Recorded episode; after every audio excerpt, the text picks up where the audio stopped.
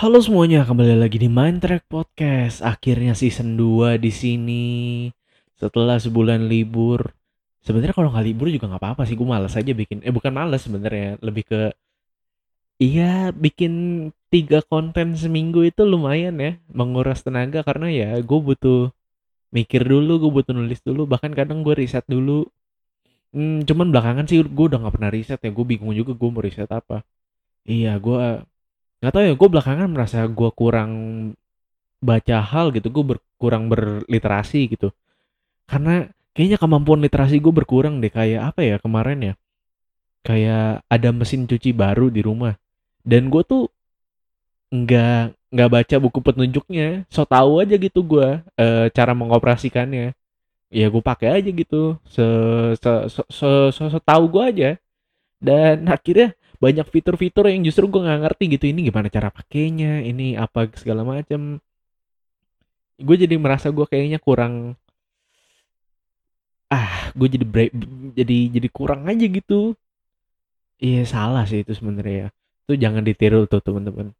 Em, mentang-mentang libur otak jadi nggak kepake. Sebenarnya enggak sih. Nggak tahu ya.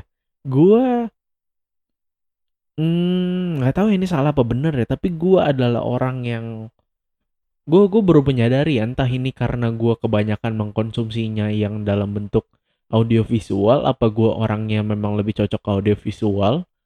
Jadi gue lebih masuk gitu kalau gue eh, nonton atau denger gitu. Gue lebih suka dengerin podcast gue lebih suka nonton video di YouTube. Edukasional memang isinya. Cuman gue jadi merasa berdosa aja gitu kayaknya kalau gue nggak baca hal apa gitu. Riset kayak atau apa gitu atau artikel. Gue udah jarang banget baca artikel.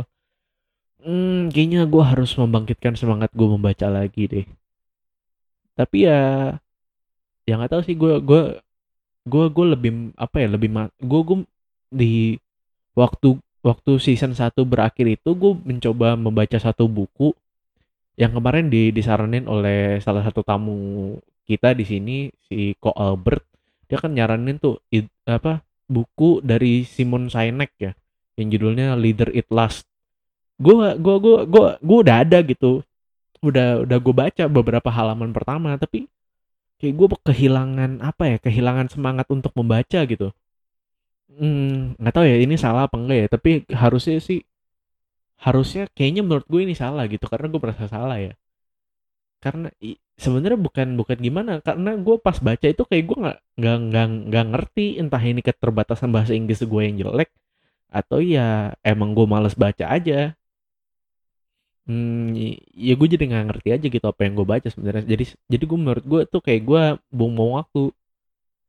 Ah ya gimana ya kayaknya gue harus banyakin baca lagi deh. Itu gara-gara gue udah lama nggak baca kayaknya jadi begitu deh Hmm, dan season 2 di sini gua senang untuk kembali berbicara di depan mic dan ya ya gue menemukan kesenangan sih di di di podcast ini untuk bisa ya in apa ya in some way gue menge- mengekspresikan diri gue sendiri gitu. Hmm, dan hari ini kita mau ngomongin soal satu topik yang se- sebenarnya hmm, udah gue sempet gue singgung di season sebelumnya cuman ini baru kepikirannya tadi. Ini ini materinya baru gua pikirin baru gua coba tulis baru coba gua formulasikan gitu. Dan yang jadi keresahan gua sih sebenarnya bukan ya bisa dibilang keresahan lah. Entah keresahan atau emang yang lagi gue pikirin aja tapi gue kepikiran untuk hmm, di di season sebelumnya gue udah pernah bahas bahwa salah satu hal yang diinginkan oleh sebagian besar manusia oleh kebanyakan manusia itu adalah untuk diingat adalah untuk eh, meninggalkan jejak di dunia.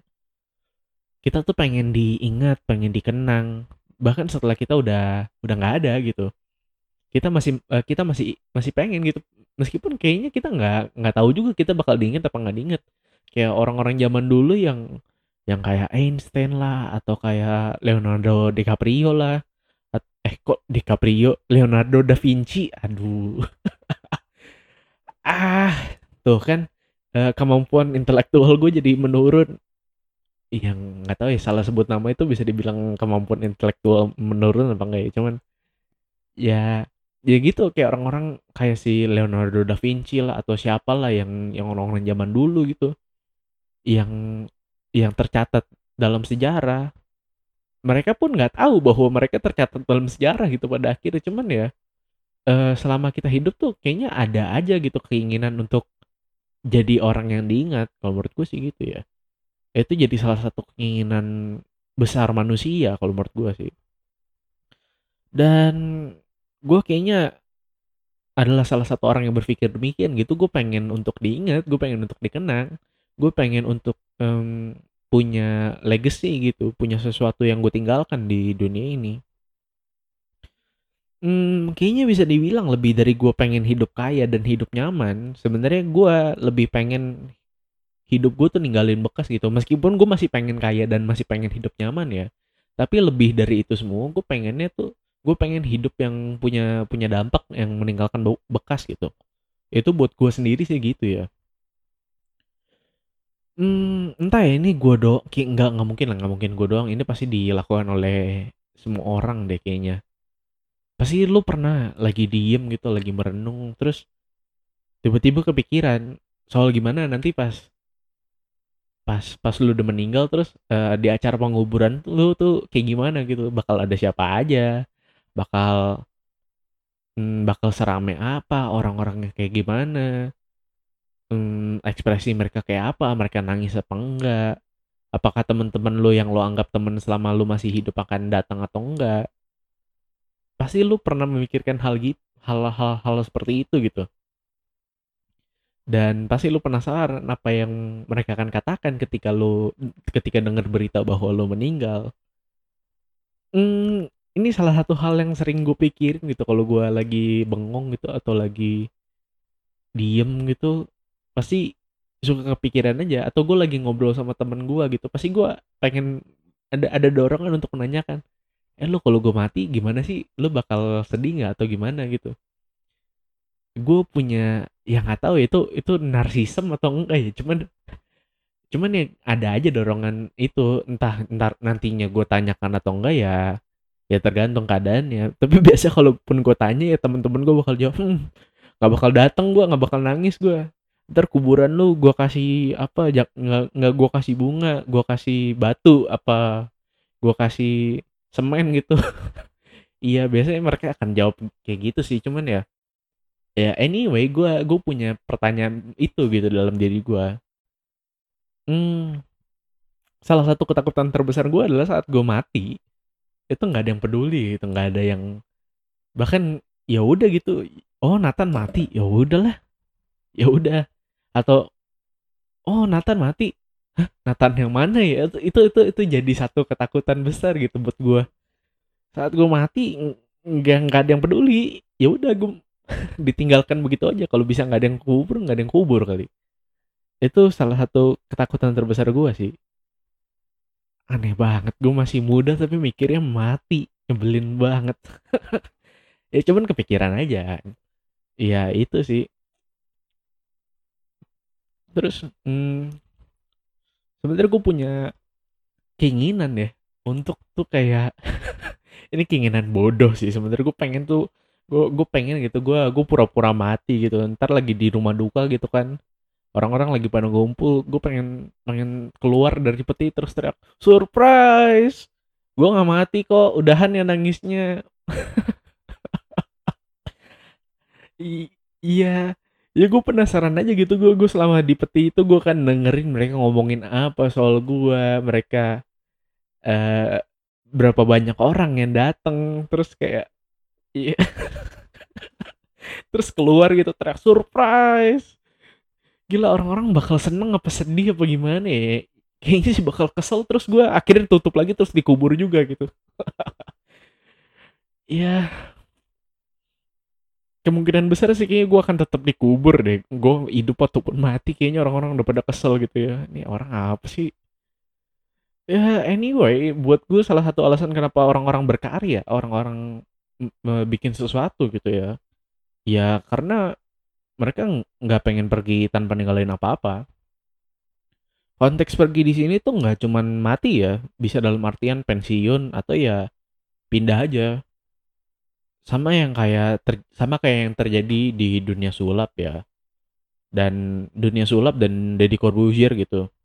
Atau yang baru-baru ini lagi dibincangkan gitu banyak-banyak di banyak diomongin itu uh, kayak YouTube dan Skin Indonesian 24 membahas soal Deddy Corbuzier dan Skinny Indonesian 24 mereka itu di mata gue kayaknya punya kisah yang lumayan mirip gitu kalau dari yang gue tangkap ya ini kalau yang dari gue tangkap ya gue nggak tahu ini gue salah apa bener nangkepnya ya. Cuman kalau dari yang gue terima gitu kayaknya yang gue simpulkan mereka tuh sama-sama kecewa dengan pasar dan masyarakat. Dedi katanya lelah Om Dedi katanya lelah main sulap eh, secara profesional karena ya orang-orang malah sibuk membongkar trik-triknya gitu. Dan bukannya malah mengapresiasi karya sulapnya seolah kayak sulap tuh adalah kebohongan yang harus di dibang gitu. Harus dibongkar. Dan orang-orang yang melakukan sulap itu ya penipu gitu. Itu kelakuannya masyarakat Indonesia begitu. Kayak pengen apa ya? Ya kayak pengen menjatuhkan gitu. Kurang lebih dia lelah lah sama masyarakatnya yang begitu. Dan skin Indonesian 24 kurang lebih itu ya karena mereka lelah sama sistem YouTube yang justru lebih banyak menyajikan konten-konten sebenarnya bukan menyajikan ya bisa dibilang menyajikan sih cuman lebih ke mensuggest kali ya. Uh, iya men iya bisa dibilang menyajikan lah. Konten-konten yang quote on quote itu menguntungkan buat YouTube dan dan para kreator yang bekerja lebih keras itu enggak lebih diapresiasi. Dan masyarakatnya yang justru lebih suka konten yang bisa dibilang ya dalam tanda dalam tanda kutip ya low quality gitu. Sebenarnya nggak tahu ini salah sih kalau kalau menurut gue ngomongin low quality ya. Ya anyway gue nggak tahu ya gue nangkap ini salah atau bener ya. Tapi sebagian besar itu ya mereka kecewa aja sama masyarakat gitu. Banyak eh dari dari dua orang ini yang gue lihat ya. Bukan dua orang sih tiga orang sebenarnya. Jadi uh, skin Indonesia kan ada dua orang lagi. Dan sebenarnya gue kalau kalian ngikutin tuh ada uh, kalau kalian ngikutin setelah setelah skin Indonesian 24 itu uh, mengumumkan pensiun mereka dari dari YouTube itu Ernest Prakasa itu itu ngomong bahwa ya wajar aja makin gede platformnya ya maka nanti akan semakin terbentuk piramida gitu. Yang bagus ya biasanya peminatnya lebih sedikit dan yang kurang bagus peminatnya lebih banyak. Dan gue sebenarnya lebih cenderungnya lebih setuju ke arah yang ke situ sebenarnya ya. Karena kalau dipikir-pikir juga ya, eh, kan nggak semua orang bisa membedah sebuah karya gitu, nggak semua orang bisa ngerti dalam-dalamnya sebuah karya gitu. Nggak semua orang bisa ngerti mana konten yang bikinnya jauh lebih kompleks, mana mana yang bikinnya lebih gampang. Kayak gini aja deh, uh, emang sebanyak apa sih orang yang tahu mana video yang bagus, mana video yang jelek, mana yang komposisi videografinya tuh bagus, mana yang komposisi videografinya tuh jelek atau editingnya jelek atau yang gak rapih gitu kan gak, nggak banyak orang yang tahu kecuali ya paling editor-editor video atau ya mereka yang bergerak di bidang itu. Masyarakat juga nggak tahu nggak nggak apa ya nggak nggak bisa menilai gitu mana yang bagus mana yang jelek. Karena ya nggak ngerti satu nggak ngerti dua ya apa ya mungkin kurang kurang teredukasi kah bisa dibilang? Bukan kurang teredukasi sih kalau kalau mereka ya emang nggak emang nggak tahu aja gitu kan Iya, selama di mata mereka itu menyenangkan ya mereka konsumsi kan sebatas itu kan. Dan di season sebelumnya juga gue udah pernah bilang bahwa ya orang yang naik tangga jangan ngiri sama orang yang naik lift gitu. Kalau memang itu pilihan mereka untuk naik tangga atau naik lift gitu kan. Kembali ke topik kita, Om Deddy dan Jovi Dovi atau Skin Indonesian 24 itu menurut gue ya udah meninggalkan impact impact besar gitu buat dunia di mana mereka pernah ada dan mungkin gue bisa bilang itu juga yang bikin mereka berani uh, untuk untuk meninggalkan dunia lama mereka kayak Om Deddy meninggalkan dunia sulap dan Jovi Dovi yang akan meninggalkan YouTube gitu. Kalau menurut gue ya mereka berani berani pindah, berani move on ya karena mereka merasa udah meninggalkan impact. Kalau menurut gue sih gitu ya. Gue nggak tahu ya. Ya mereka merasa udah nggak ada beban lagi karena mereka udah ya udah udah berdampak gitu udah udah meninggalkan sesuatu udah punya legacy di situ Dan sepenglihatan gua, orang-orang yang pada akhirnya meninggalkan jejak, yang punya dampak, yang punya apa ya, yang punya impact buat banyak orang, adalah orang-orang yang mencintai apa yang mereka lakukan gitu dan kayaknya itu sih kalau buat gue pribadi yang masih belum gue temukan ya.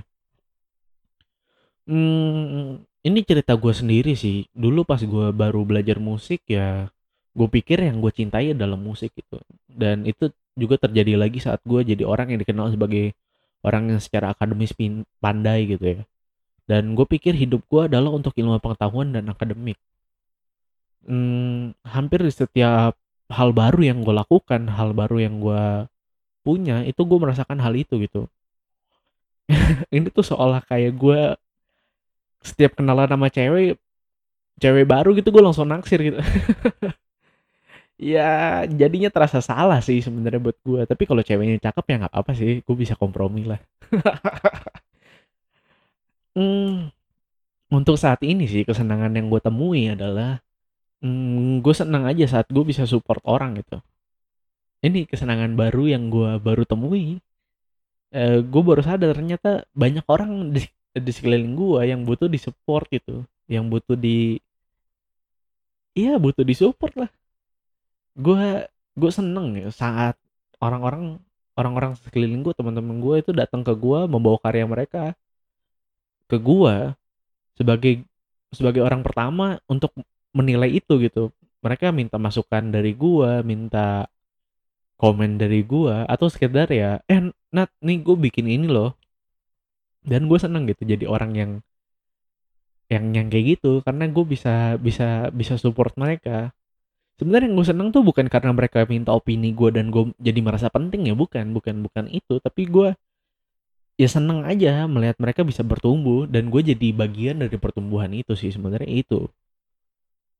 Ya untuk sekarang setidaknya gue tahu gitu bahwa gue udah jadi cukup berdampak buat orang-orang di sekeliling gue dan menurut gue itu menyenangkan sih.